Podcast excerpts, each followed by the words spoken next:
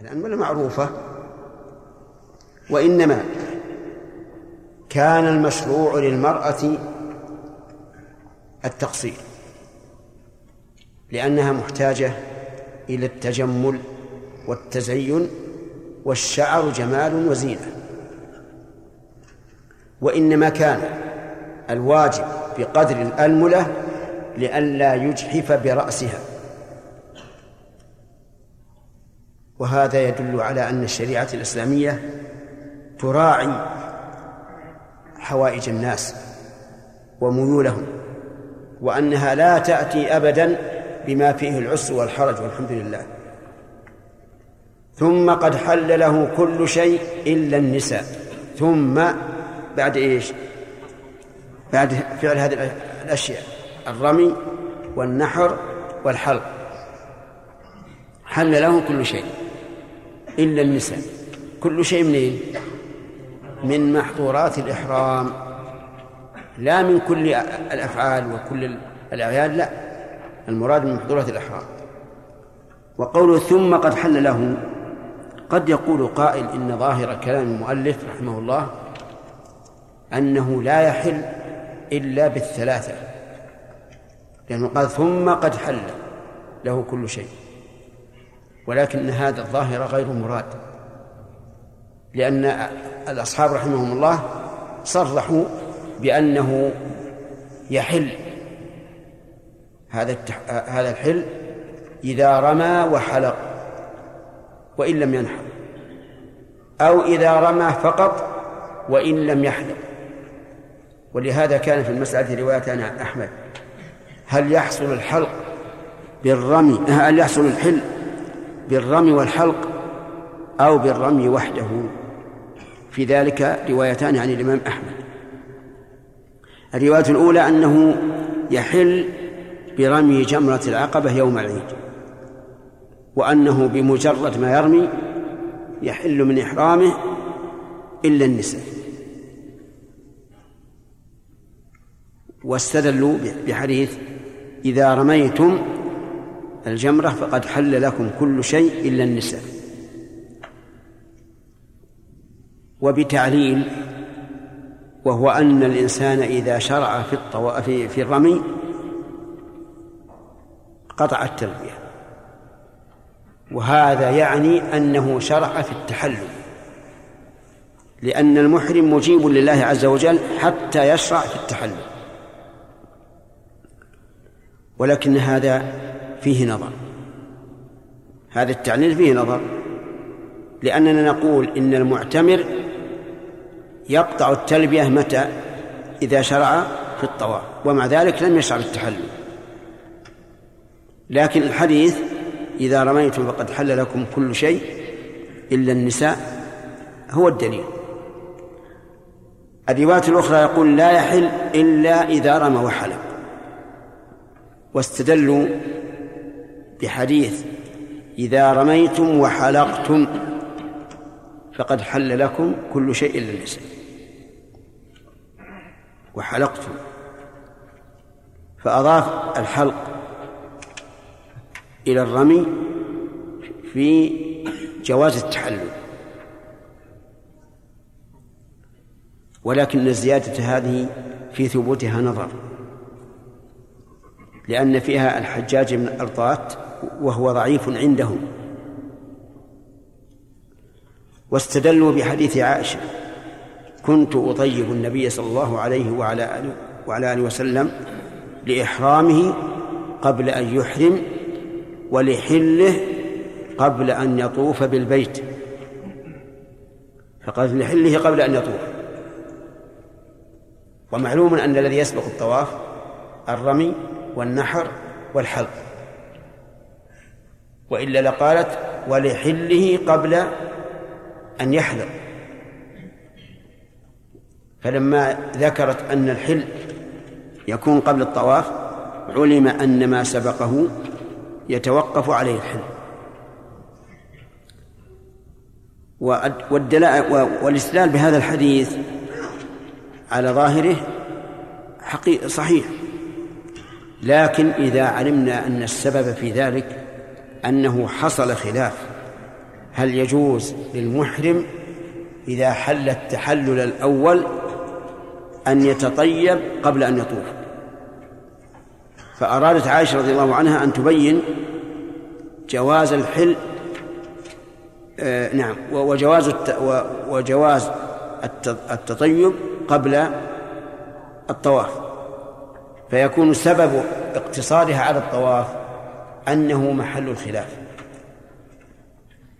وذلك لأن الطيب مما يدعو ويراق مما يعطي النفس نشوة ورغبة في النكاح والنكاح ممنوع بعد التحلل الأول. فكرهه بعض السلف أي كره أن يتطيب الإنسان قبل أن يطوف بالبيت. فأرادت عائشة أن تبين أن هذه كراهة لا وجه لها. لأن النبي صلى الله عليه وعلى آله وسلم كان يتطيب قبل أن يطوف. والمسألة ما لم يتبين لي فيها الدليل الذي يحصل به رجحان أحد القولين على الآخر. لكن يبقى النظر أيهما أحوط؟ أن نقول إنه لا يحل حتى يرمي ويحلق. أو نقول إن الأحوط أن نقول إنه يحل بالرمي.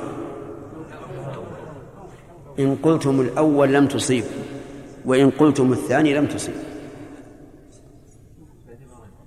وذلك لأنه قد يكون الأحوط أن نقول بالأول وهو أنه يحل برمي جمرة العقبة. وقد نقول إن الأحوط الثاني. ولنضرب مثلا يتبين به الأمر. إذا إذا إذا جامع رجل امرأته بعد رمي جمرة العقبة وقبل الحلق. فإن قلنا إنه يحل بالرمي لم يفسد نسكه. لأن الوطي وقع بعد التحلل بعد التحلل الأول. والوطي لا يفسد النسك إلا إذا كان قبل التحلل وأيضا لا نوجب عليه إذا قلنا إنه حل بالرمي لا نوجب عليه فدية إلا شاة إلا شاة. وإذا قلنا إنه لم يحل ألزمناه ببدنه فأيهما أحوط الآن؟ ها؟ أن يتحلل بالرمي. هو الأحوط أن لا نلزمه بشيء لم يتبين لنا إلزامه. ولكن إذا قلنا إنه يحل إنه لا يحل بالحلق صار أحوط من جهة أننا نمنعه من محظورات الإحرام حتى إيش؟ حتى يحلق فيكون هذا أحوط. فالمسألة فيها يعني الإنسان يتردد كثيرا. ولعلنا نقول ما دامت المسألة لم تتضح فلنتبع الأسهل. إن جاءنا رجل يستفتي بأنه جامع بعد رمي جمرة العقبة وقبل الحلق. نقول له حجك لم يفسد. لأنه ليس عندنا ما نستطيع أن نجشمه المصاعب ونقول حجك فاسد وعليك أن تمضي فيه وأن تقضيه من العام القادم وأن تهدي بدنه وأن تفتيه فعلك ببدنه. وأما في وأما إذا جاء يسأل هل يجوز أن يلبس ويتطيب قبل الحلق؟ قلنا له لا لأن هذا أحوط وأبرأ للذمة. وقوله رحمه الله إلا النساء. كلمة إلا النساء هو هذه هي الكلمة التي وردت في الحديث. لكن ما المراد؟ هل المراد كل ما يتعلق بالنساء؟ فيشمل الجماع والمباشرة والنظر لشهوة والخطبة وعقد النكاح. أو إن المراد الجماع. في هذا خلاف أيضا. فمن العلماء يا عبد الله لا يجيك النوم. ودك تنام؟ أجل روح هناك. ولا أذهب و في هذا الخلاف بين العلماء. منهم من يقول المراد بالنساء الجماع. فيحرم بعد التحلل الجماع. وأما عقد النكاح فيصح. والقبلة واللمس لشهوة وما أشبه ذلك لأنه لأن كل هذه الأشياء إنما حرمت لأنها وسيلة للجماع. فلا نحرم عليه إذا حل التحلل الأول إلا ما كان مقصودا وهو الجماع. وشيخ الإسلام رحمه الله يختار أن عقد النكاح بعد التحلل الأول صحيح. يعني لو رمى وحلق وعقد على امرأة فالعقد صحيح. من باب أولى أن تكون الخطبة جائزة. وهذا أيضا من الأمور التي ينبغي فيها أن يسلك الإنسان الاحتياط. فإذا جاءنا رجل ابتلي وعقد النكاح قبل أن يطوف طواف الإفاضة أو خطب امرأة قبل أن يطوف طواف الإفاضة فنقول لا تعد. نقول لا تعد لأن التحريم وإبطال العقد بعد أن وقع في صعوبة. لكن نقول لا تعد لهذا. وأما إذا جاءني يستشير ويقول هل تفتونني بأن أخطب أو أعقد النكاح وقد حللت التحلل الأول فنقول له لا. نقول له لا. هذه المسألة تقع في عقد النكاح. بعض الناس يكون طاف طواف الإفاضة على وجه غير صحيح. ثم يأتي إلى بلده ويتزوج. فنقول إن هذا النكاح فيه خلاف. منهم من العلماء من يقول إنه صحيح ومنهم من يقول إنه فاسد. فنمضيه. لأنه تم الأمر. ولو أن أعدنا العقد من جديد لكان أولى. ليكون الحل لا شبهة فيه. أما إذا جاءنا يستشيرنا فنقول لا تتزوج. لأن لكل مقام مقالا. قال والحلق والتقصير نسك. نعم. الحلق والتقصير نسك. ودليل ذلك قول الله قول النبي صلى الله عليه وسلم اللهم ارحم المحلقين. وهذا حث على الحلق. ثم قال في الرابعة والمقصرين وهذا أيضا يدل على أن التقصير عبادة رتبت عليها الرحمة. وإذا كان عبادة فهو نسك. وليس كما قيل إنه إطلاق من محظور. لأن بعض العلماء يقول الحلق ليس نسكا في ذاته لكنه علامة على أن علامة على الحل حيث استباح ما كان إيش؟ ما كان محظورا. ولكن هذا قول ضعيف. يقول شيخ الإسلام رحمه الله لو كان الأمر كذلك لكان لا فرق بين حلق الرأس وحلق العانة. على القول بأن محظورات الإحرام تشمل جميع شعور البدن. وصدق رحمه الله. وعلى القول بأنه إطلاق محظور قالوا يجزي لو لو يقصر أو يقص شعرتين أو ثلاث شعرات كفى. وهذه كلها أقوال لا أصل لها يعني ليس لها دليل. والصواب أن الحلق والتقصير نسك. وإذا كان نسكا فهل هو واجب أو سنة؟ نقول إن وصف الله تبارك وتعالى المؤمنين بدخول المسجد آه، البيت بدخول البيت الحرام محلقين رؤوسهم ومقصرين. ومراده؟ شو مراده؟ معترمين معتمرين فأطلق الحلق والتقصير على العبادة. ولا يمكن أن يطلق بعض العبادة على جميع العبادة إلا وهو واجب فيها. وهذا استدلال قد لا يدركه كثير من الناس. فنقول الصحيح أنه واجب. ثم هل يلزم هل يلزم به بتركه دم؟ نقول نعم لأن ترك الواجبات في الحج موجب للدم كما سبق تقريره وكما سبق أيضا ذكر دليله وأن على ذلك عامة على على ذلك عامة العلماء. نعم. قال لا يلزم بتأخيره دم. تأخيره إلى متى؟ إلى متى؟ أطلق المؤلف. لا لا, لا يمكن يموت قبل يوم القيامة. يعني لا وإن طال التأخير. ولكن الصحيح أنه لا يجوز تأخيره عن شهر ذي الحجة. لأنه نسك فهو من الحج. وقد قال الله تعالى الحج أشهر معلومات.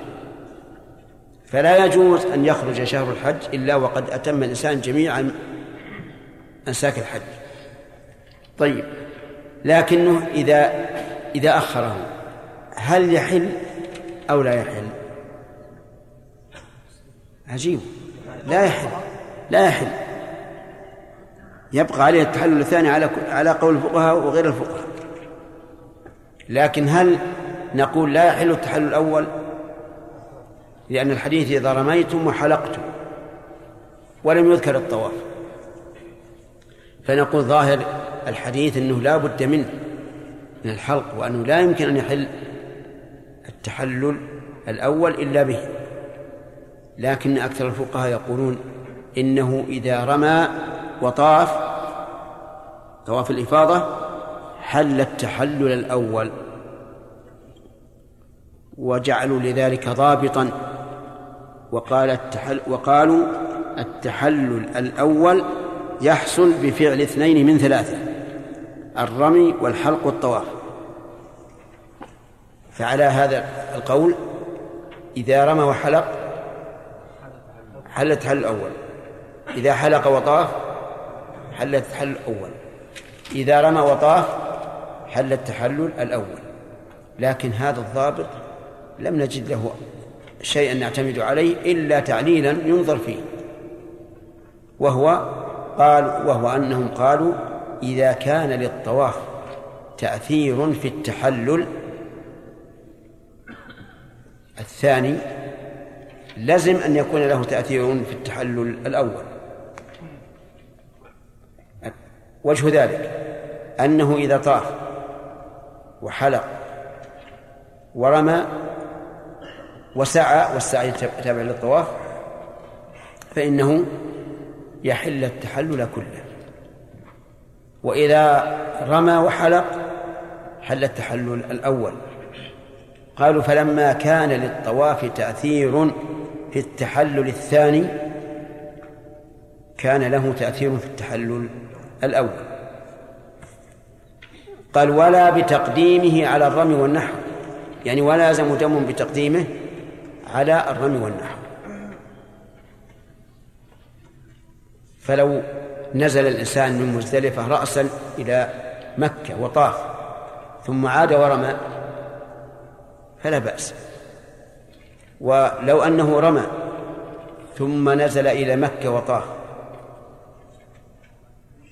فلا بأس.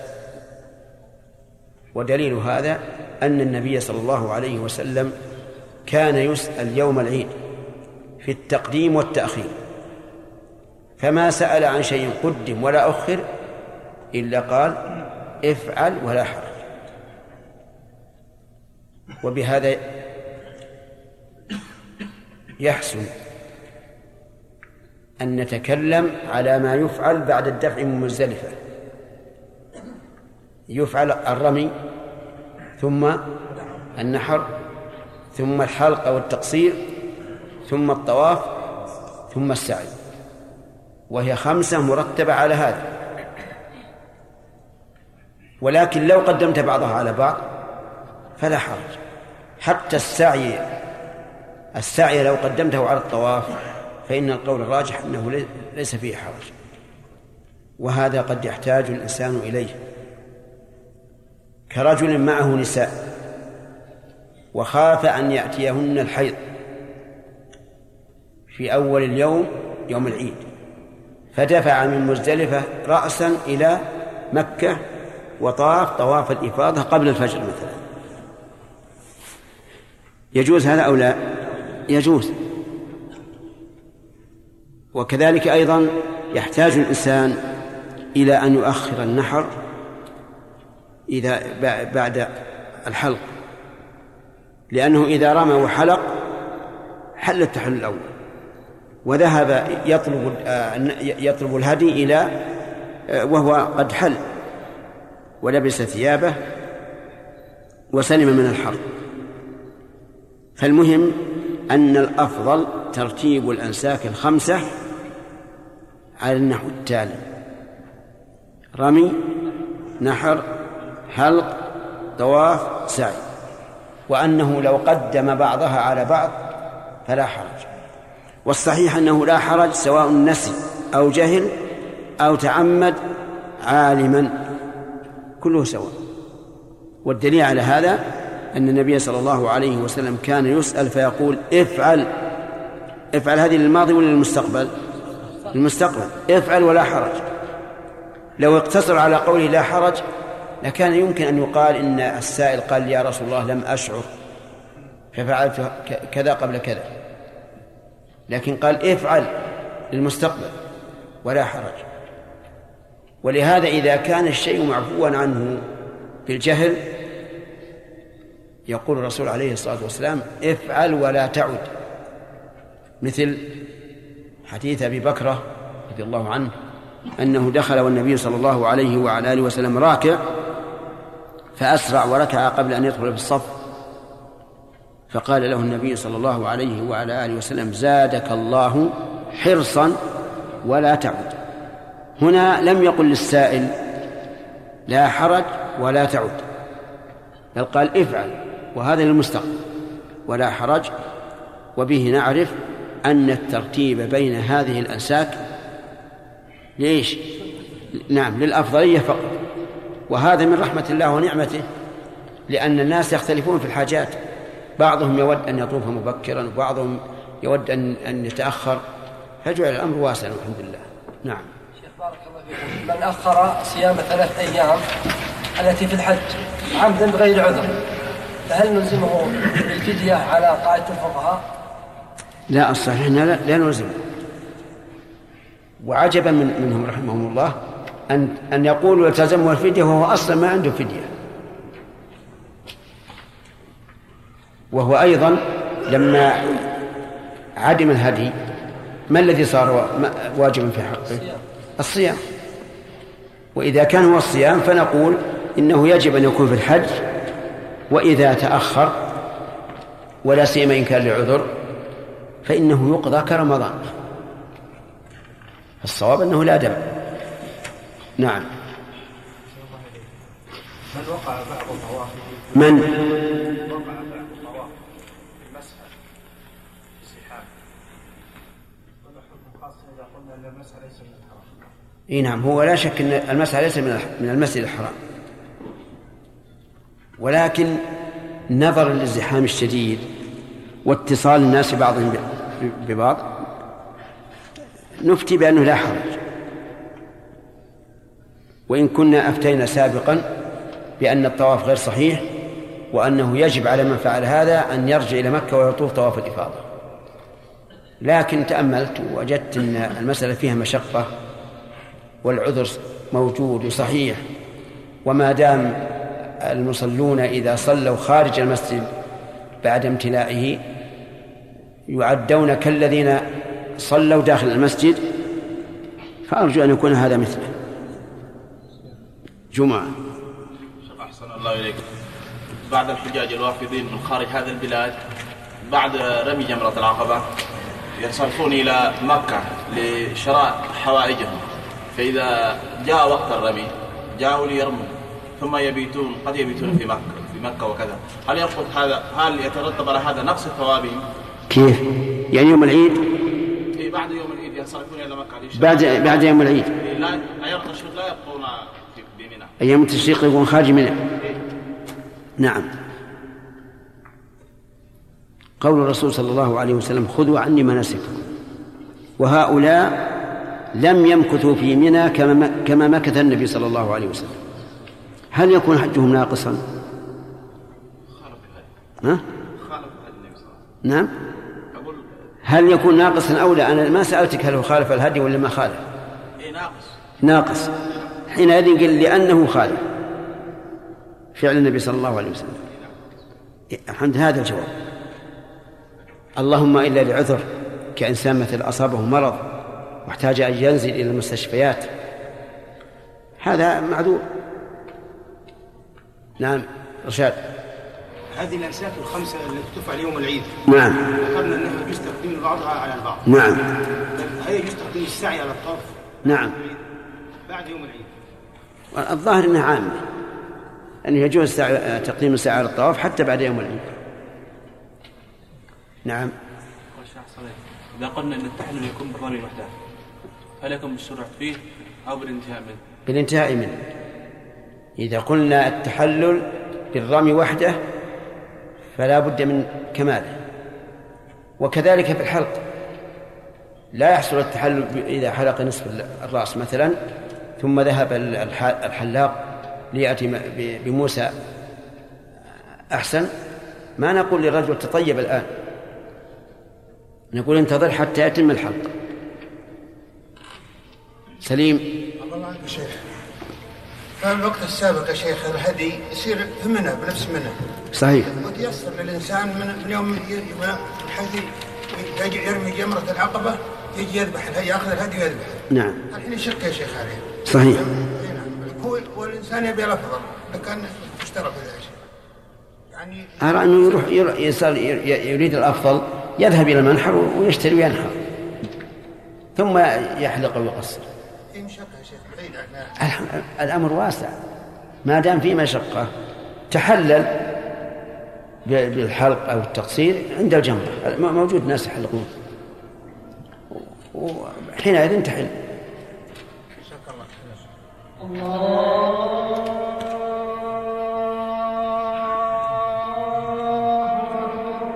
نعم متمتع. قلنا يقطع التلبية إذا شرع في الطواف. نعم. طواف العمرة.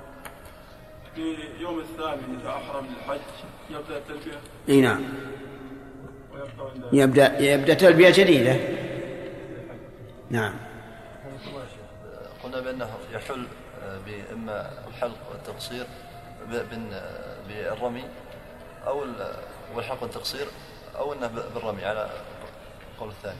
لكن يا شيخ النحر ما له يعني تأثير في هذا. ما ما له تأثير. ما له تأثير إلا إذا ساقه فظاهر السنة أنه إذا ساق الهدي فلا يحل حتى ينحر كما جاء في الحديث. يعني لا الذي لم يسق ما له دخل. بس هذا. نعم آدم متى ينتهي وقت الرمي في يوم النحر؟ ينتهي وقت الرمي في يوم النحر ويوم الحادي عشر ويوم الثاني عشر بطلوع الفجر. من اليوم الثاني. وأما رمي الثالث عشر فينتهي بغروب الشمس. يعني يخاف من الزحام حتى يعني يقرب طلوع طلوع الفجر. ورمى ما عليه شيء نعم ما عليه شيء المهم أنه رمى قبل الفجر. إيه نعم ما عليه شيء وهذه وهذه مسألة ما بعد جاء وقتها لكن عاد حصل. نعم. رجل قصر من رأسه لكنه لم يعمم وحل. ماذا عنه؟ يقال له إلبس ثيابك. إذا كان في العمرة إلبس الثياب و... و... وكمل. لأنه إلى الآن ما حل له أن يلبس إيه ثياب. ثياب اللي لبس لأنه حل ذكرت أنه حل. يعني لبس الثياب العادية القميص. انتهى الوقت طيب. الأصل ما في بعد الأذان أسئلة يعني لا بس هذا خارج عن الأصل. أصل هذا الدرس هذا نادر أصلا. لأثر خمس دقائق. خمس دقائق قبل الأذان وخمس دقائق بعدها وخمس دقائق بعد الأذان هذا نختلس منها شيء قال فصل ثم يفيض إلى مكة ويطوف. يفيض إلى مكة يعني الحاج. والإفاضة تعني الكثرة كما يقال فاض الماء إذا تدفق بقوة وشدة. إلى مكة ويطوف القارن والمفرد بنية الفريضة طواف الزيارة. يطوف. القارن والمفرد بنية الفريضة طواف الزيارة والمتمتع. والمتمتع. أيضا يطوف بنية الزيارة.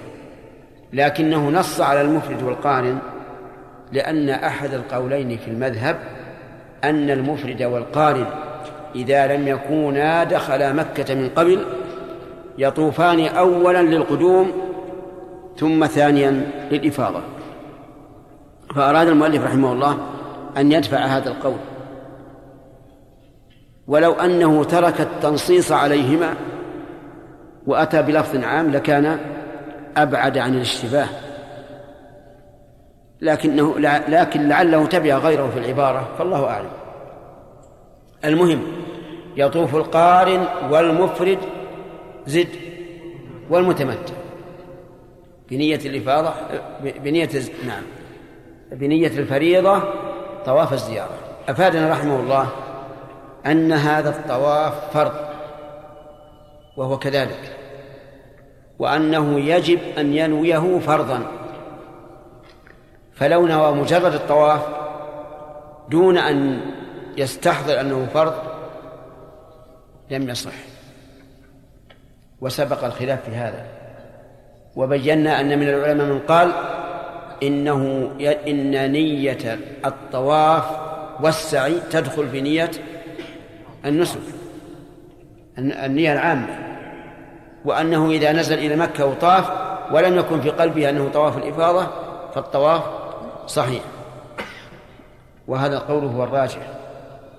لا سيما في أوقاتنا هذه فإن الإنسان مع الدهشة قد يغيب عنه نية قد تغيب عنه نية الفريضة وأنه طواف إفاضة. ينوي أنه طواف بس. فالقول الراجح أنه وهو قول أكثر العلماء أنه يكفي إذا نوى أنه طواف وما دام في نسك فهو طواف لهذا النسك. وقوله طواف الزيارة مع قوله يفيض إنما غير ما يقتضيه السياق ليتبين أن هذا الطواف يسمى طواف الإفاضة ويسمى طواف الزيارة. قال وأول وقت بعد نصف ليلة النحر. أول وقت بعد نصف ليلة النحر لأنه سبق أنه يدفع من مزدلفة متى؟ بعد منتصف الليل. فمتى دفع من مزدلفة دخل وقته. ويسن في يومه يسن في يومه أي في يوم العيد. لأن النبي صلى الله عليه وعلى آله وسلم طاف يوم العيد وقال خذوا عني مناسككم. وفي القرآن الكريم ثم ليقضوا تفثهم وذلك بالتحلل ولبس الثياب. وليوفوا نذورهم وذلك بذبح الهدي. وليطوفوا بالبيت العتيق وهذا هو طواف الإفاضة. فيسن في يوم. قال المؤلف وله تأخيره يعني له أن يؤخر طواف الإفاضة. إلى متى؟ أطلق المؤلف. لم يقل إلى الليل ولا إلى آخر أيام التشريق ولا إلى آخر شهر الحجة. فله تأخيره متى شاء طاف. ولكنه يبقى عليه من المحظورات النساء. يبقى عليه النساء.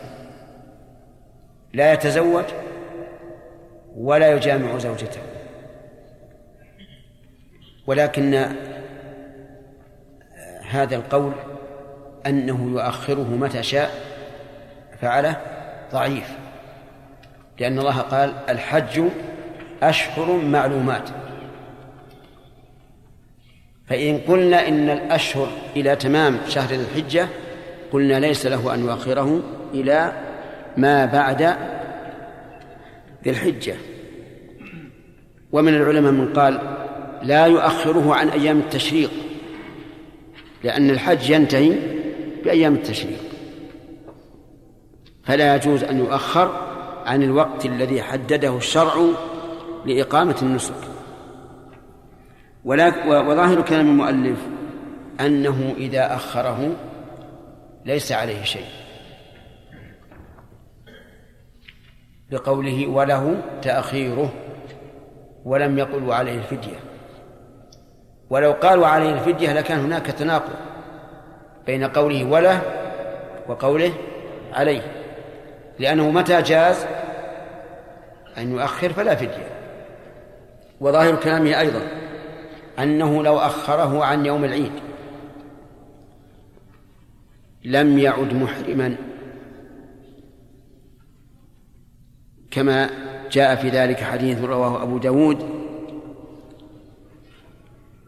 لكن هذا الحديث مضطرب لا يعتمد عليه وهو أيضا شاذ لمخالفته الأحاديث الصحيحة الصريحة في أن المحرم يحل قبل أن يطوف بالبيت وإذا ثبت أنه يحل فإنه لا يمكن أن يعود محرما بدون نية.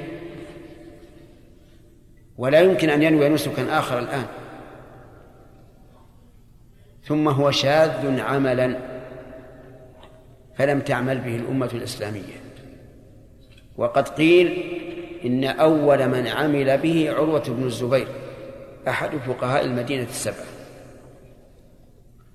فحديث أو فحكم شرعي لم يعمل به إلا واحد من التابعين وأول من عمل به لا يمكن أن يقال إنه حديث صحيح. ثم هذا الحديث مما تتوافر الهمم على نقله.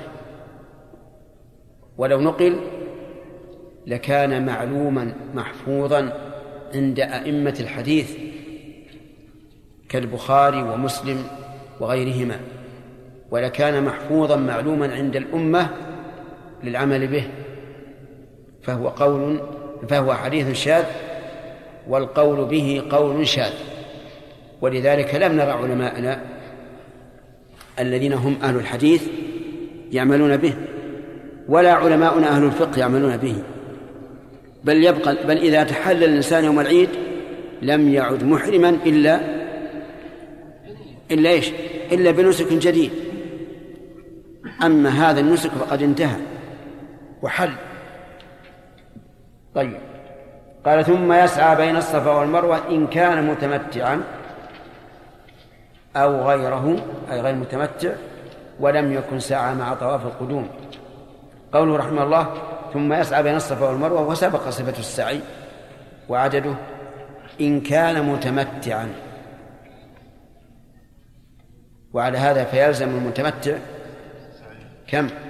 سعيان أحدهما للعمرة والثاني للحج. وهذا هو القول الصحيح المتعين لأن ذلك صريح في حديث ابن عباس وعائشة رضي الله عنهم أن الذين لم آه الذين حلوا طافوا طوافين بين الصفا والمروة.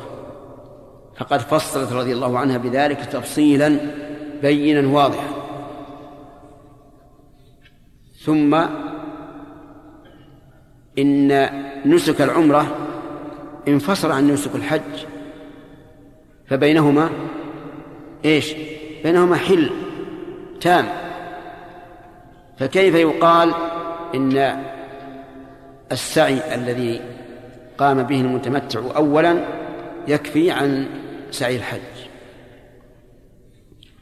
هذا لا لا يمكن أن يقال به.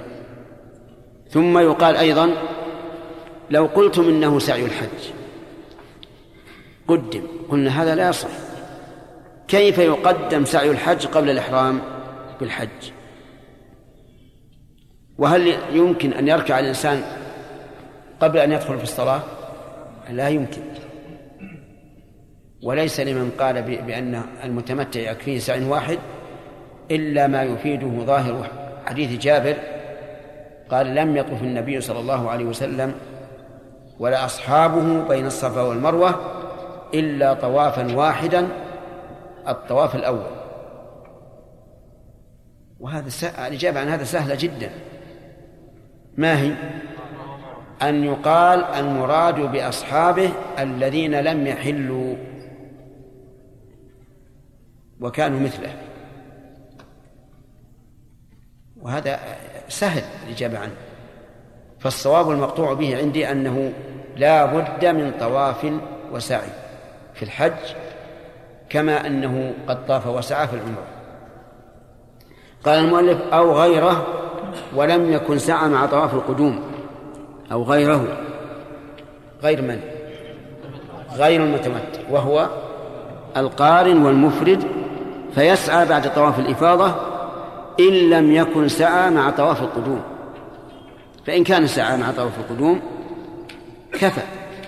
لأن النبي صلى الله عليه وعلى آله وسلم كان قارنا وسعى بعد طواف القدوم ولم يعد السعي مرة أخرى.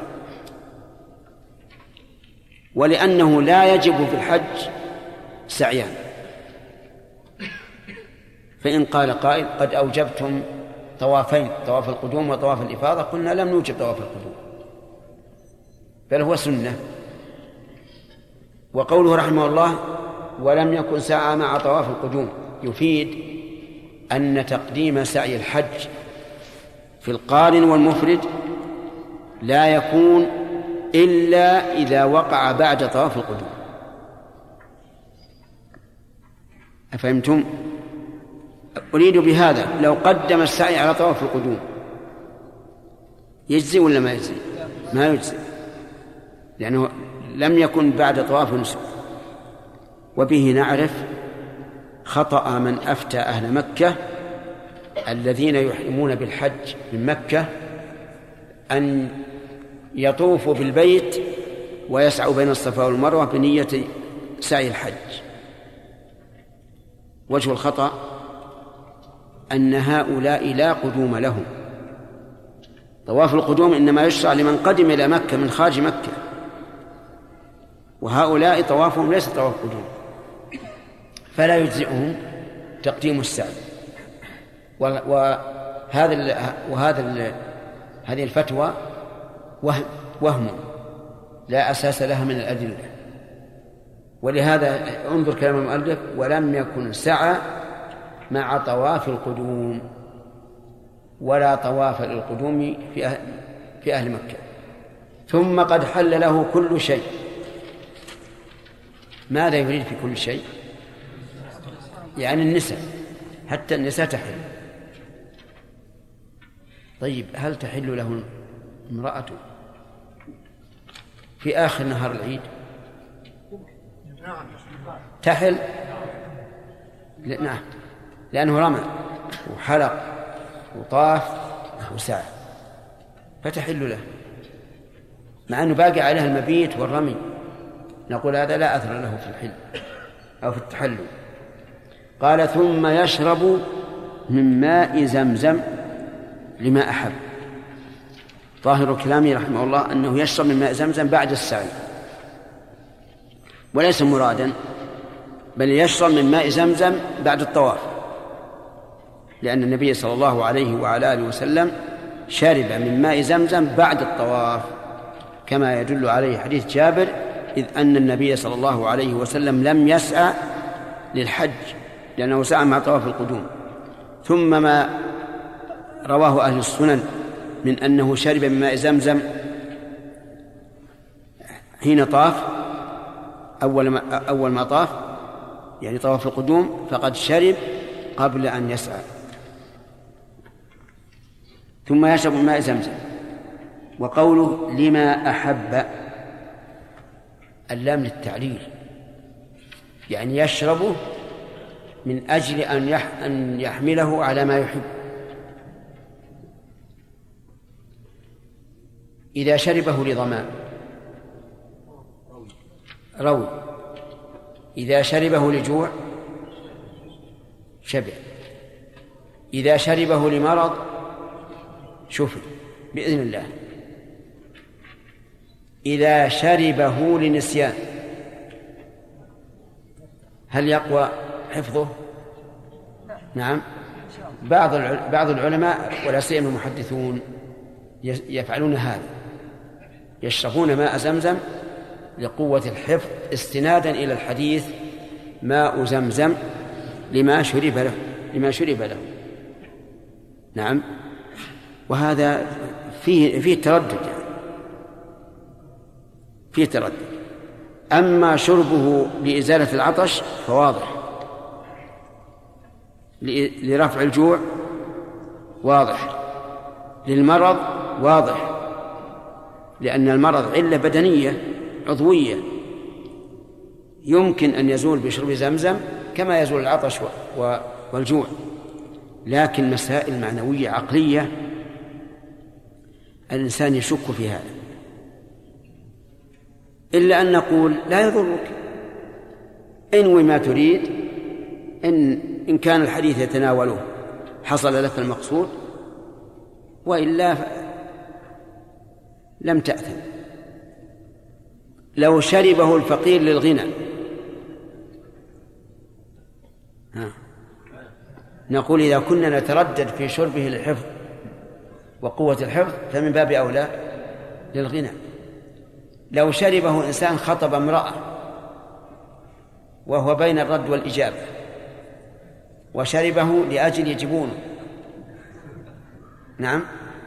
إذا أخذنا بالعموم قلنا لما شرب له لكن مثل هذا لا لا يظهر لي والله أعلم أن النبي صلى الله عليه وعلى آله وسلم أراده لأن هذه لا علاقة لها بالبدن. الذي يستفيد بالشرب. طيب. يقول لما أحب ويتضلع منه ويدعو بما ورد يتضلع منه يعني يروى كثيرا حتى تتسع أضلاعه من شدة الروى آه، آه، من شدة آه نعم من كثرة من كثرة الماء في بطنه. لأنه ورد أن التضلع من ماء زمزم هو الفرق بين المؤمن والمنافق. لأن المؤمن يؤمن بأنه شفاء وأنه نافع. والمنافق لا يؤمن بهذا. فالمنافق لا يشرب منه إلا عند الضرورة لدفع الضرورة فقط. والمؤمن يشرب ويتضلع رجاء بركته التي جاءت في الحديث ماء زمزم لما شرب منه. قال بعضهم ويستقبل القبلة. ولكن هذا ضعيف. لأن النبي صلى الله عليه وعلى آله وسلم شرب من ماء زمزم. ولم يرد عنه أنه استقبل القبلة ولا أنه رفع يديه يدعو بعد ذلك. لكن ورد في أدعية أشار إليها المؤلف رحمه الله. إن النبي صلى الله عليه وسلم لما أراد أن يشرب من ماء زمزم دعا بدلو. دلو الذي يسقى به الناس. فأراد عمه العباس أن يرسل الفضل. ابنه إلى أم الفضل لتعطيه من الماء الذي كان قد خبأه عندها فأبى النبي صلى الله عليه وسلم وشرب مما يشرب الناس منه. كل هذا ليدفع التكلف عن الأمة وتواضعا لله عز وجل. كما رد المنديل حين أتته به ميمونة رضي الله عنها بعد أن اغتسل. لأنه لئلا تتكلف الأمة بمثل هذه الأمور. وهذا هو المناسب طبا في الوقت الحاضر. كما سمعنا الآن في بعض الولايات في في البلاد الكافرة ولاية كاملة آه، بدأوا يدعون القول لا تتنشف بمنشفة تنشف بها غيرك وما أشبه ذلك ولا تشرب إلى أن شرب منه غيرك. وقالوا إن هذا يضر البدن لأنه يصبح غير قادر على أي على المقاومة والمناعة. وهذا فيما يبدو والله أعلم صحيح. نعم. بارك الله فيكم. هل الشرب من ماء زمزم بعد الطواف سنة مقصودة؟ والله يا أخي أنا عندي فيها يعني تردد يعني كونه يقع بعد الطواف. أما أصل الشرب من زمزم سنة. لكن كونه بعد الطواف يحتمل أن الرسول فعل هذا لأنه أيسر له أو لأنه عليه الصلاة والسلام عطش بعد الطواف أو ليستعد للسعي. لكن أشرب الحمد لله. ما فيه إلا خير. نعم يا عبد الله. عليك. جمرة العقبة من المكان الذي كان فيه جبل لا يوجد حوض. يجزى الرمي فيه؟ لا. هو كان بالأول وضعوا جدارا عريضا يغطي كل الحوض. فصار الناس يأتون ويرمون منها من نحو الجدار. ويقع في, في الأرض. بعد ذلك هدموا الجدار وأبقوا العمود فقط. وهذا فتح الباب للناس لأنهم صاروا يشاهدون الحوض فيرمون من من الخلف من ولكن تقع الحصاة في الحوض. نعم. أحسن الله عليكم يا شيخ. هل على الحاج صلاة عيد؟ هل؟ هل الحاج صلاة عيد؟ الحاج. لا ما على صلاة عيد نعم نهار. بالنسبة لماء زمزم هل يشرع يعني يصب على الرأس ويغسل؟ هل هل يشرع؟ هل يشرع؟ هل يشرع إيش؟ ماء زمزم هل يشرع؟ ماء زمزم أن يصب على الرأس؟ آه. بعض بعض العلماء قال إنه يرش على رأسه وعلى صدره لكن الشيء الذي لم تثبت به السنة لا لا تفعل. هذه أمور غيبية. ربما يفعل الإنسان هذا الشيء ويشفيه الله عز وجل فتنة. ولذلك نسمع أن بعض الناس الذين يأتون إلى القبور يدعون القبور يستجاب لهم. فتنة من الله عز وجل. كما اختبر سبحانه وتعالى الصحابة في سهولة تناول الصيد وهم محرمون. نعم. يحيى. يعني كثير من الحجاج يأخذون ماء زمزم معهم إلى بلادهم. نعم. وهناك يعني يزيدون هذه الماء كثير ويوزعون على الناس. لا إله. هذا غش يا يحيى. أما نقله إلى بلاد أخرى لا بأس. وما والخصائص التي فيه تبقى. أما خلطه بماء كثير أخشى أن أن أن يخلط اللتر بعشرة أرتاب. أولى تزول فائدته يضمحل نعم. فراس. أحسن الله إليك. يا شيخ ذكرتم في تقصير بالنسبة للرجل أنه لابد يكون تقصيرا بينا بحيث من يراه يراه مقصر نعم. هل هذا مثلا مثلا تقصير بالنسبة لمن يعرف مثلا هو له شعر كيف؟ له شعر كثير. أهله حين يرونه بعد التقصير يرون واضح تقصير فيه لكن غيرهم لا يرى فيه أي شيء. إيه. لا قصر أن بعض الناس يقصر من جهة. إذا قصر من جهة علم أنه ما قصر من بقية الرأس. ولا نعم اللي ما كان يراه من أول ما يدري هل هو مقصر ولا ما قصر. نعم. ما هو نزيد خمس دقائق بالعادة؟ لا نزيد. نعم. لا هذه ما خالف سنة ما خالف. نافلة. نعم. هل يجوز التحلل بالحلق خارج الحرم يعني خارج الأرض؟ أي نعم. يجوز أن يحلق في كل مكان ولكنه يبقى عليه التحلل الثاني. أحسن الله عليك يا شيخ. هل يقال أنه ينبغي للإنسان بعد أن يتحلل ويثرى الإحرام أن تتغير حاله عما كانت قبل الإحرام؟ من أي ناحية؟ من ناحية العبادة والإكثار من الذكر والدعاء. تتغير؟ يعني أثناء أثناء قبل قبل أن يتحلل كان إيه؟ مقبل على الله بالدعاء وكان تاركا لأهله ودعم الأطفال من معه من زملائه. فيتغير حاله يعني استبشارا بخروج الحج مثلا هذه الأيام الثلاثة. أما يتغير حاله إلى إلى ترك الطاعة وفعل المعصية لا. أما يتغير حاله عن الالتزام بمحظورات الإحرام واضح. تتغير لا بد أن تتغير. وأيضا يوم النحر يوم عيد يوم فرح وسرور. وإذا كان معه أهله وحل التحلل الثاني فأنت سألت وتجب نفسك. نعم يا. سليم. مثل العضو اللي يوجع الإنسان يا شيخ. وش؟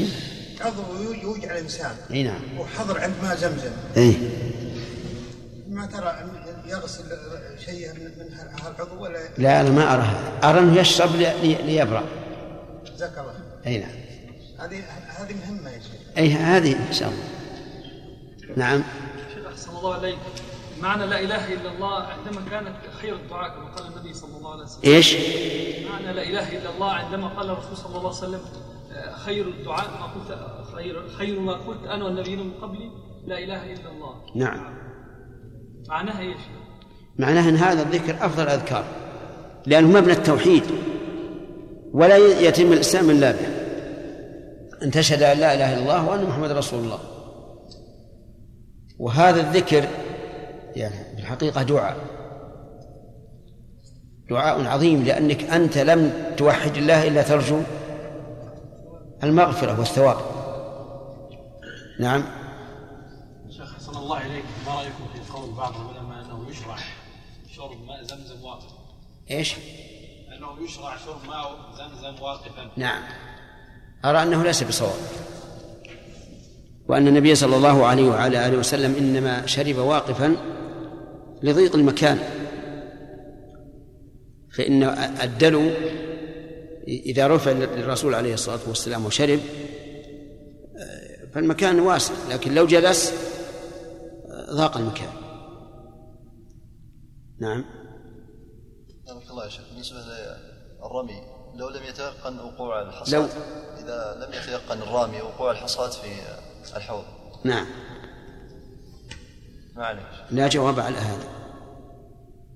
ما سبقنا البارحة؟ وش قلنا؟ يكفي غلبة الظن.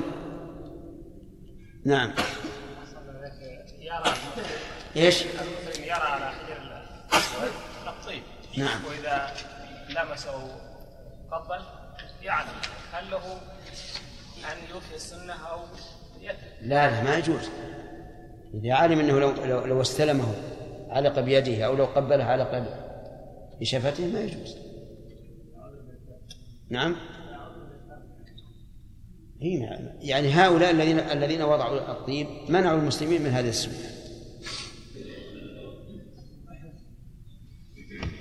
نعم. امرأة بقي عليها طواف الإفاضة وطرى عليها الحيض هل يجوز لها المكث في بيتها إلى أن تطهر وذلك خارج مكة؟ أي نعم. هذا سؤال مهم. امرأة أصابها الحيض قبل أن تطوف طواف الإفاضة. إذا كان يمكنها أن تبقى هي ومحرمها في مكة فهذا هو الأفضل لا شك. وإذا كان لا يمكنها خرجت من مكة إلى بلدها وتبقى على ما بقي من إحرامها. يعني إذا كانت مزوجة لا لا لا يقربها الزوج. ولا يعقد عليه النكاح على على القول الذي ذكرنا. فهمت؟ لكن أنصاف طلبة العلم صاروا يفتون النساء بما أفتى به شيخ الإسلام رحمه الله من لا تتمكن من طواف الإفاضة. وقالوا لو كان أهلها في جدة فإنها تتحفظ وتطوف ولو كانت حائضة. وهذا غلط عظيم غلط على العلماء. إذا كان النبي عليه الصلاة والسلام أراد أن يحبس كل اللي معه ويريدون مصاحبته حتى تطهر صفية كيف نخلي المسألة بهذه السهولة؟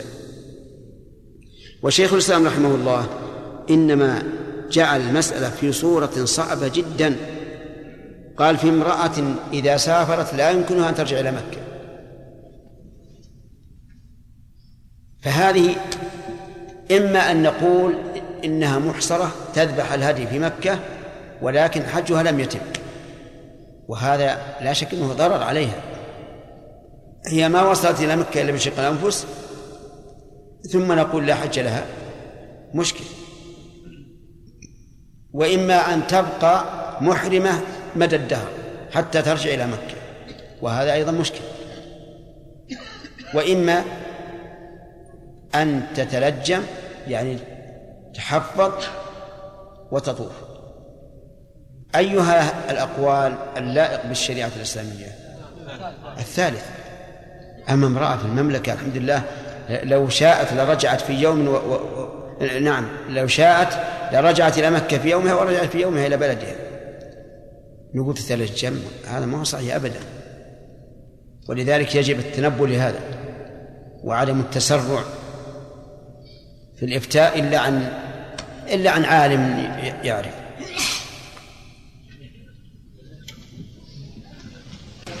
قال المصنف رحمه الله تعالى في باب صفة الحج والعمرة من كتاب المناسك. ثم يرجع فيبيت بمنى ثلاث ليال فيرمي الجمرة الأولى وتلي مسجد الخيف بسبع حصيات ويجعلها عن يساره ويتأخر قليلا ويدعو طويلا. ثم الوسطى مثلها ثم جمرة العقبة ويجعلها عن يمينه ويستفتن الوادي ولا يقف عندها. يفعل هذا في كل يوم من أيام التشريق بعد الزوال مستقبل القبلة مرتبا. إن رماه كله في اليوم الثالث أجزأه ويرتبه بنيته. إن أخره عنه أو لم أو لم يبت بها فعليه دم.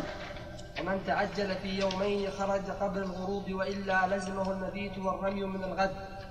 فإذا أراد الخروج من مكة لم يخرج حتى يطوف للوداع.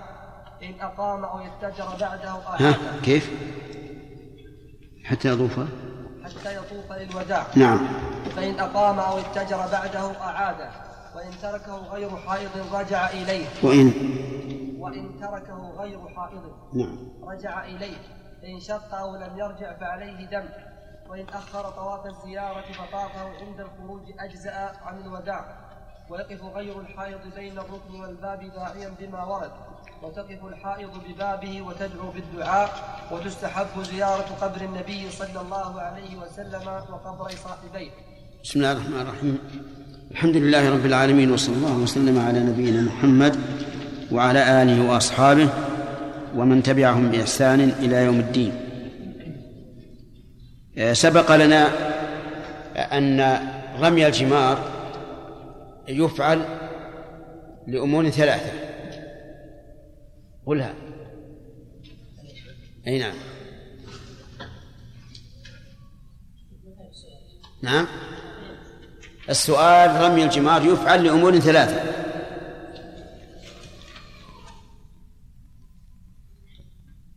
نعم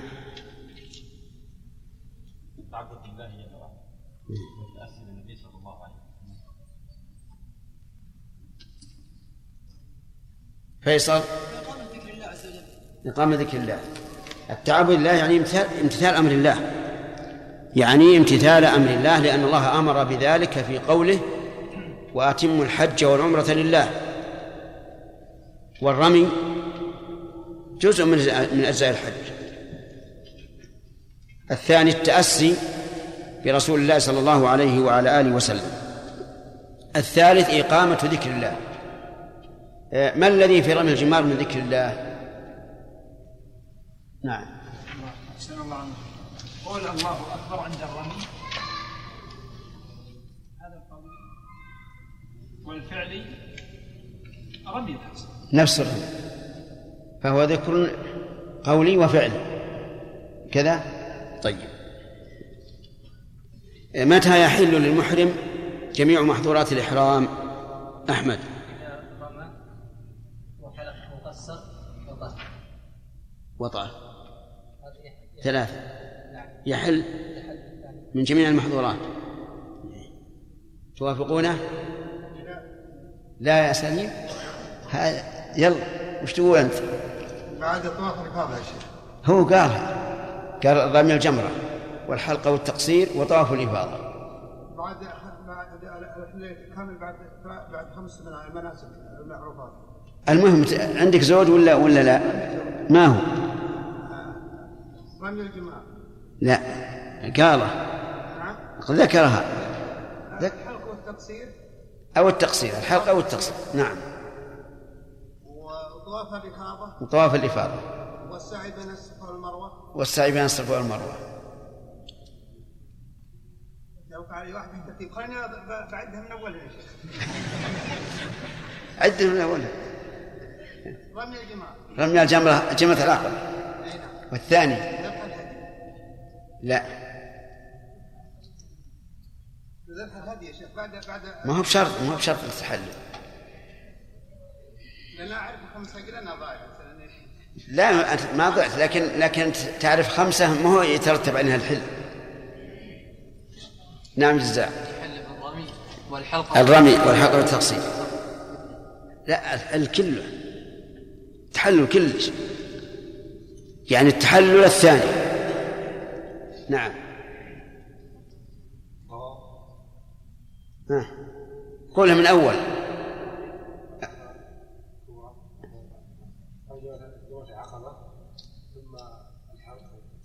الحلقة والتقصير الطواف طواف الإفاضة.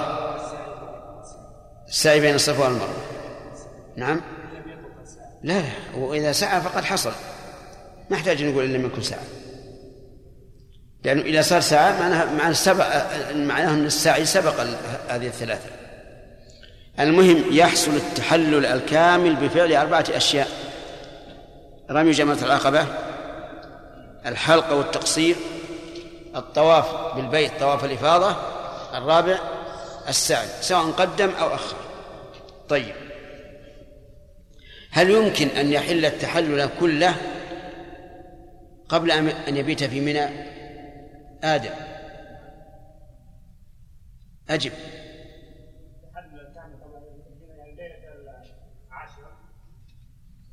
ليلة العاشر. قبل قبل أن يبيت من ليلة 11 أو 12 و 13 يمكن؟ يمكن.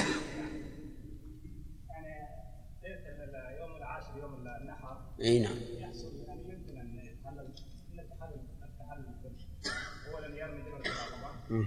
ثم الحلقة والتقصير ثم طواف الافاضه ثم السعي ثم التحلل من كل شيء طيب توافقونه؟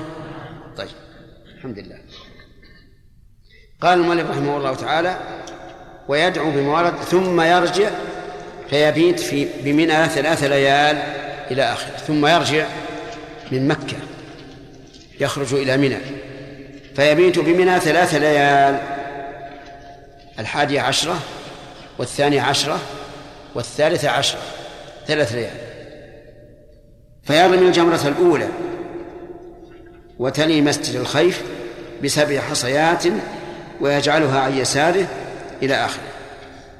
يرمي الجمرات الثلاث. يبدأ بالأولى وهي التي تلي مسجد الخيف وهي أبعد الجمرات عن مكة. يقول ويجعلها عن يساره. عن يساره ويكون مستقبل القبلة. إذا جعلها عن يساره وهو مستقبل القبلة. صار يرمي هكذا. هكذا. وهذا ما ذهب إليه الأصحاب رحمهم الله والصواب أنه يجعلها بين يديه مستقبل القبلة. فيجعلها تلقاء وجهه. لأن هذا هو الذي يمكن أن يتمكن به من الرمي. فإذا جعلها بينه وبين القبلة تمكن من من الرمي تماما. وإذا قدر أن الزحام كان شديدا من الناحية هذه ولكنه ليس بشديد من من الناحية الأخرى فهل يزاحم في هذا مع في هذه الجهة؟ أو يذهب إلى الجهة الأخرى التي هي أقل زحاما؟ الثاني نعم. يذهب إلى الجهة الأخرى التي هي أقل زحاما حتى يؤدي هذه العبادة وهو مطمئن. لا يؤذي ولا يتأذى. ويتأخر قليلا. وأطلق المؤلف القلة ولم يحددها بذراع ولا, غيره. لكن غيره قال يتأخر قليلا بحيث لا يصيبه الحصى. يعني حصى الذين يرمون. ونحن نقول زيادة على هذا. ولا يتأذى بالزحام. لأن الوقت تغير عما كان عليه العلماء سابقا. فنقول بحيث لا يصيبه الحصى ولا يتأذى بالزحام لأن الرجل سوف يقف. فإذا وقف والناس يتزاحمون شق عليهم وعلى نفسه أيضا. فيقف يقول رحمه الله ويدعو دعاء طويلا. ويدعو طويلا يعني يدعو دعاء طويلا. وبماذا يدعو؟ بما أحب. من خير الدنيا والآخرة ويكون رافعا يديه مستقبل القبلة.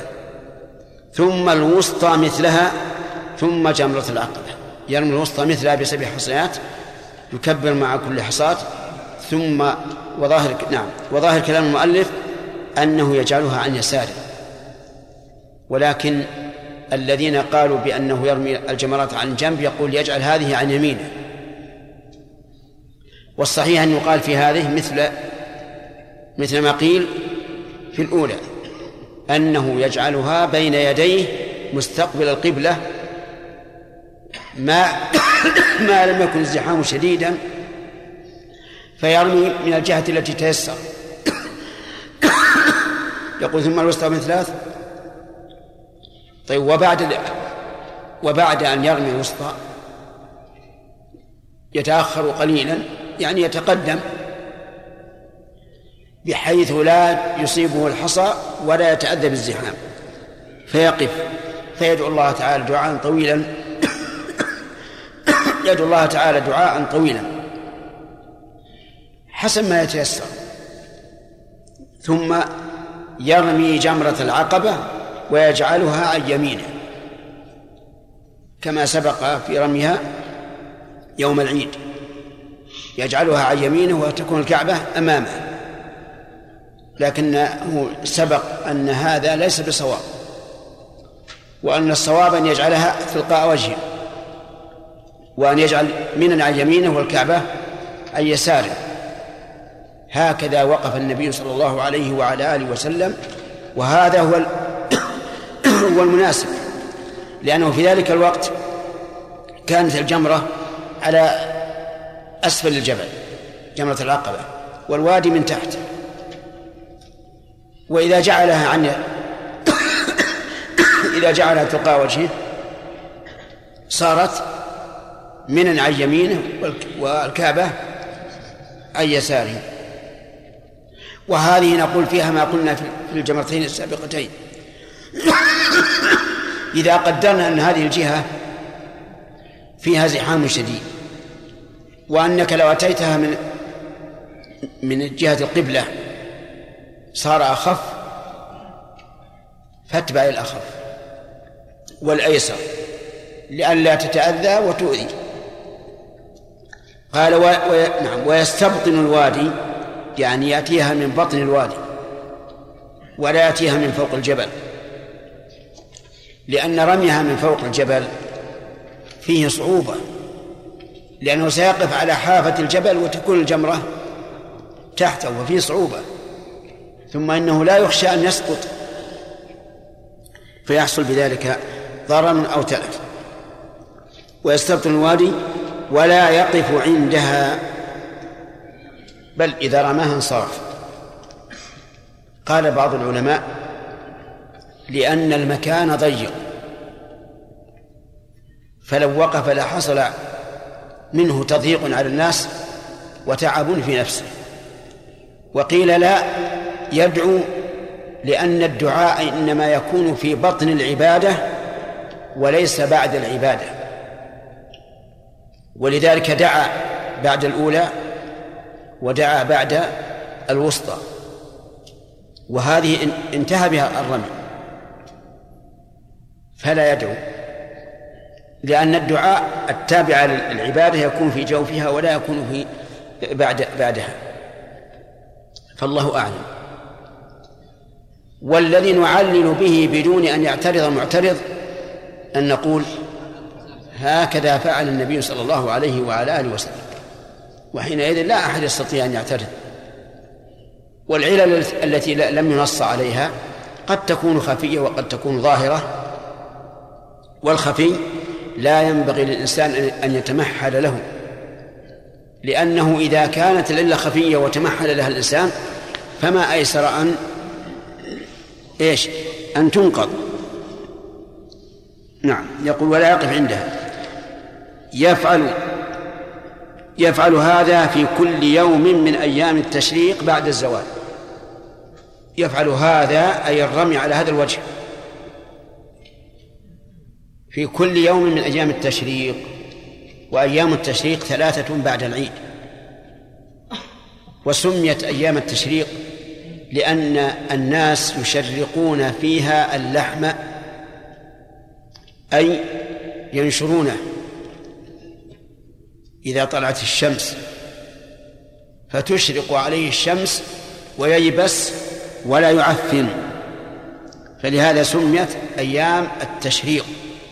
وقيل إنها تسمى أيام التشريح أيضا لأن الناس يشرحون فيها اللحم المهم أنها يا أخ يعني نعم. تمام. بارك الله فيك. طيب. يفعل هذا بعد الزوال أي بعد زوال الشمس. وجوبا ولا يجزئ قبل الزوال. فلو رمى قبل الزوال فهو كما لو صلى الظهر قبل الزوال. لأن الله تبارك وتعالى حد حدودا فلا يجوز أن نعتديها. وتحديد الرمي بالزوال ظاهر من فعل النبي صلى الله عليه وعلى آله وسلم. لأنه صلى الله عليه وسلم كان يترقب الزوال. فمن حين أن تزول الشمس يرمي قبل أن يصلي الظهر. مما يدل على أنه لا يجوز الرمي قبل الزوال لأنه لو جاز الرمي قبل الزوال لقدمه حتى من أجل أن يصلي الظهر في أول وقته. كالذي ينتظر بفارغ الصبر أن تزول الشمس حتى يرمي ثم يصلي الظهر علم أنه لا يجوز قبل الزوال. هذا وجه. الوجه الثاني أيما أيسر للأمة أن ترمي قبل الزوال في الصباح أو بعد الزوال؟ الأول. لأنه بعد الزوال يشتد الحر ويشق على الناس أن يأتوا من مخيمهم إلى الجمرات. ومع شدة الحر يكون الغم مع الضيق والزحمة. فلا يمكن أن يختار النبي صلى الله عليه وعلى آله وسلم الأشد ويدع الأخف.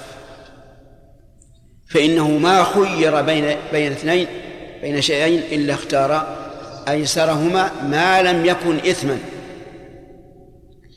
فنعلم من هذا أنه لو رمى قبل الزوال صار ذلك إثما ولذلك تجنبه النبي صلى الله عليه وعلى آله وسلم.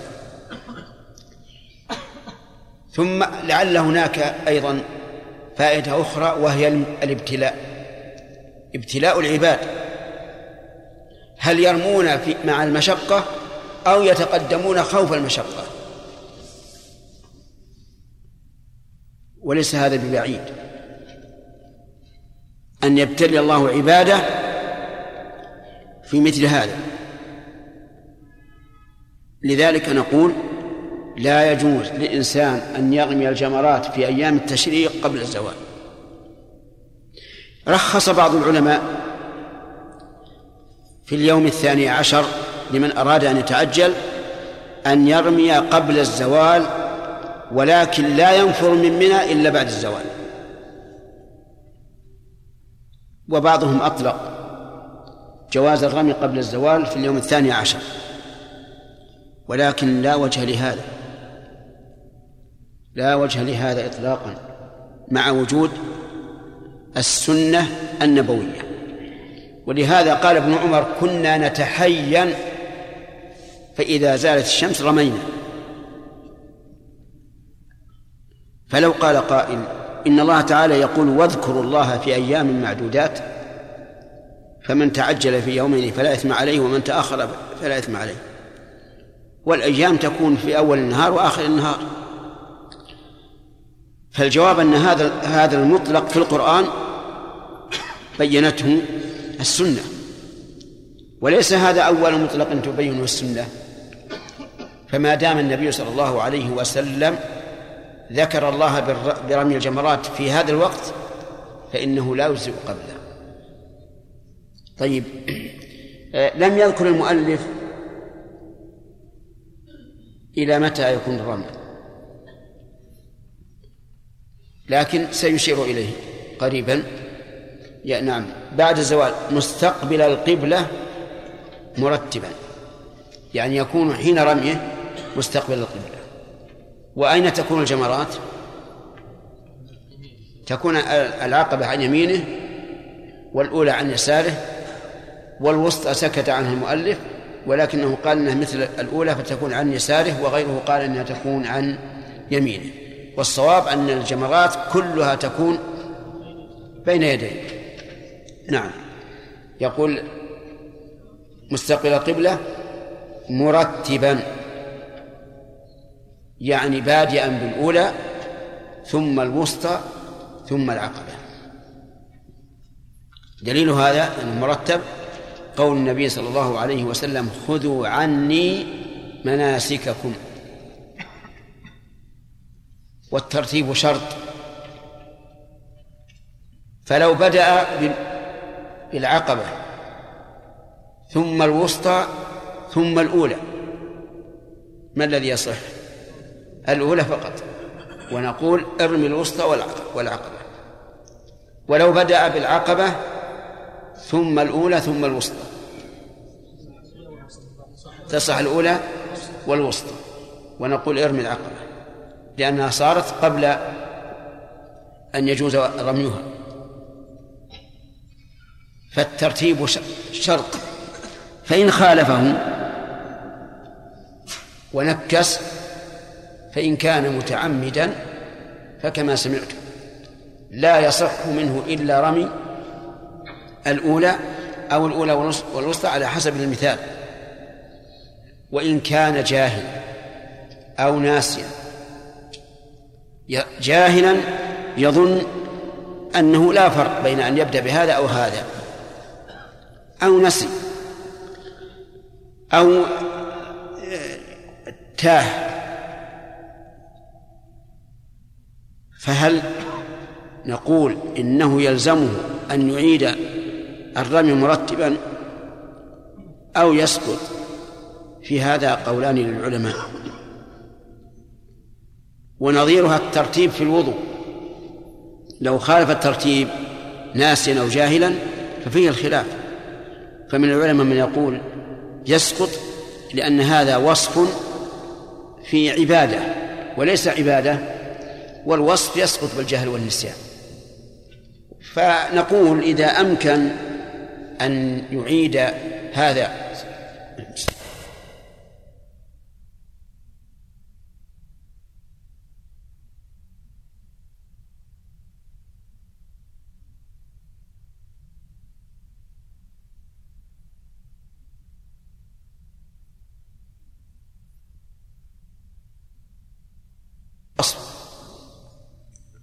فأرجو أن لا يكون عليه بأس إن شاء الله. قال رحمه الله فإن رماه كله في الثالث أجزأه ويرتبه بنيته. إن رماه أي الجمرات كلها في اليوم الثالث أجزأ. وظاهر كلام المؤلف أنه يجزئ ولا شيء عليه. بمعنى لو أخر رمي جمرة العقبة يوم العيد ورمي الجمرات الثلاث يوم 11 ويوم 12 ورماها كلها في آخر يوم. يقول لا بأس يجزي. وفي هذا القول نظر. والصواب أنه لا يجزي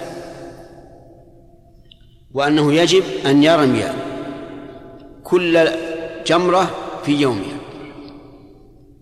لأن النبي صلى الله عليه وعلى آله وسلم كان يرمي كل يوم في وقته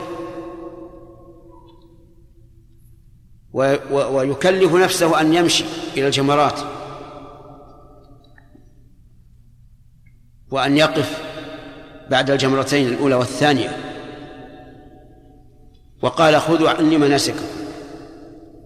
ولأنه رخص للرعاة أن يرموا يوما ويدعوا يوما. وكلمة رخص تعني أن غيرهم غير مرخص لهم. وهذا هو المتعين. أنه لا يجوز أن يجمع الجمرات في آخر يوم إلا إذا كان هناك حاجة. الحاجة مثل أن يكون الإنسان مريضا. لا يستطيع أن يتردد كل يوم إلى الجمرات. أو يكون أو يكون بعيدا.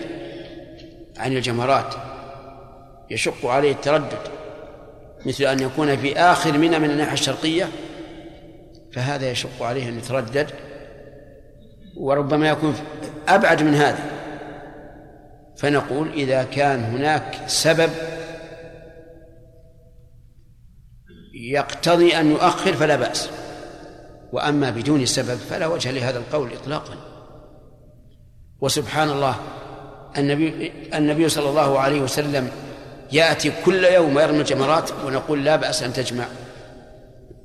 هذا بعيد من الصواب.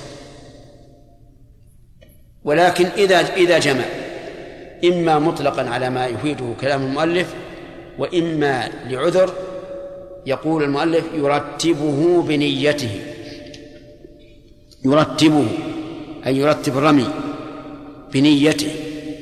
فيرمي الثلاث أولا عن اليوم الحادي عشر. ثم يعود ويرميها عن الثاني عشر. ثم يعود ويرميها عن الثالث عشر. ولا بد لأن كل يوم عبادة مستقلة. فلا بد أن يأتي بالعبادة بعبادة اليوم الأول قبل عبادة اليوم الثاني. ولا يجوز أن يجمع رمي الأيام الثلاثة في موقف واحد. فيرمي مثلا الأولى بإحدى وعشرين حصاة عن ثلاثة أيام والوسطى كذلك والأخيرة كذلك. هذا لا يجوز لأنه الآن دخل العبادات بعضها ببعض والنبي صلى الله عليه وعلى آله وسلم فعلها كل يوم على حدة.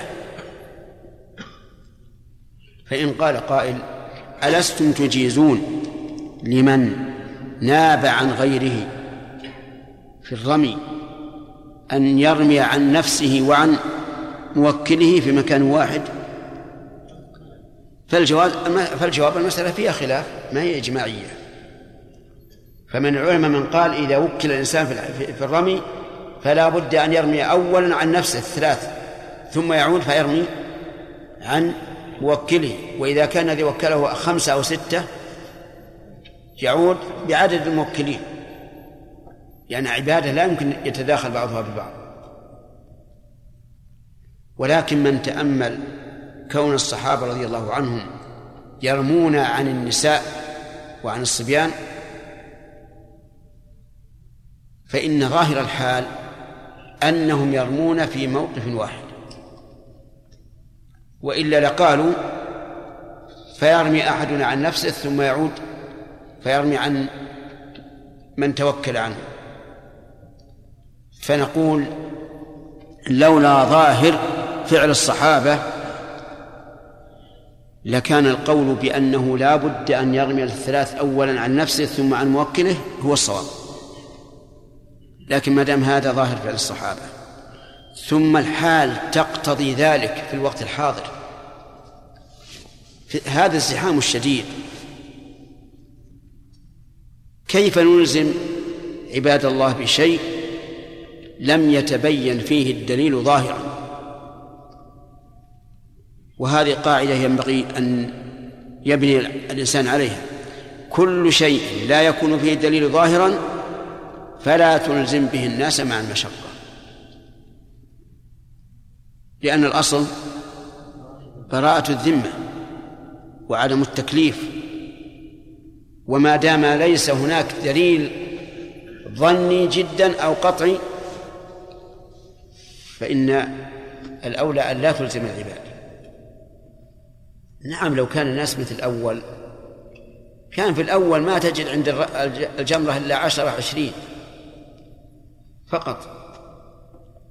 نعم هذا ربما يقال الاحتياط أولى لكن ما في الآن كما تشاهدون مسألة صعبة جدا فلا يجسر الإنسان أن يلزم عباد الله بأمر فيه احتمال. نعم. توكيل في الرمي. شيخ أليس ظاهر حال الصحابة أنهم يعني يتوكلون للحاجة لا للضرورة؟ نعم. لأن النساء والصبيان بالذات يمكن يأتي الصبي فيرمي. قد يقال مثلا الصبيان الذي الذي لا يمكن. ولهذا قال الفقهاء رحمهم الله إذا أراد أن يرمي عن الصبي فالأفضل أن يجعلها في يد الصبي ثم يأخذ ويرمي عنه يعني يحملونهم معه.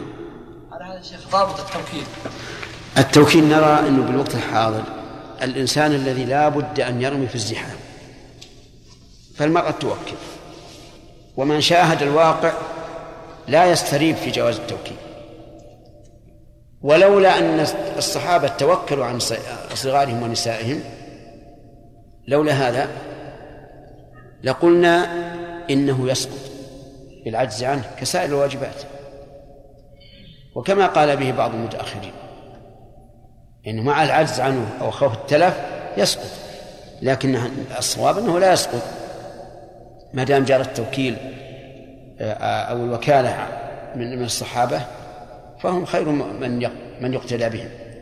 وأما جواز أن أن يتساهل الإنسان وأما تساهل الإنسان في التوكيل فغلط.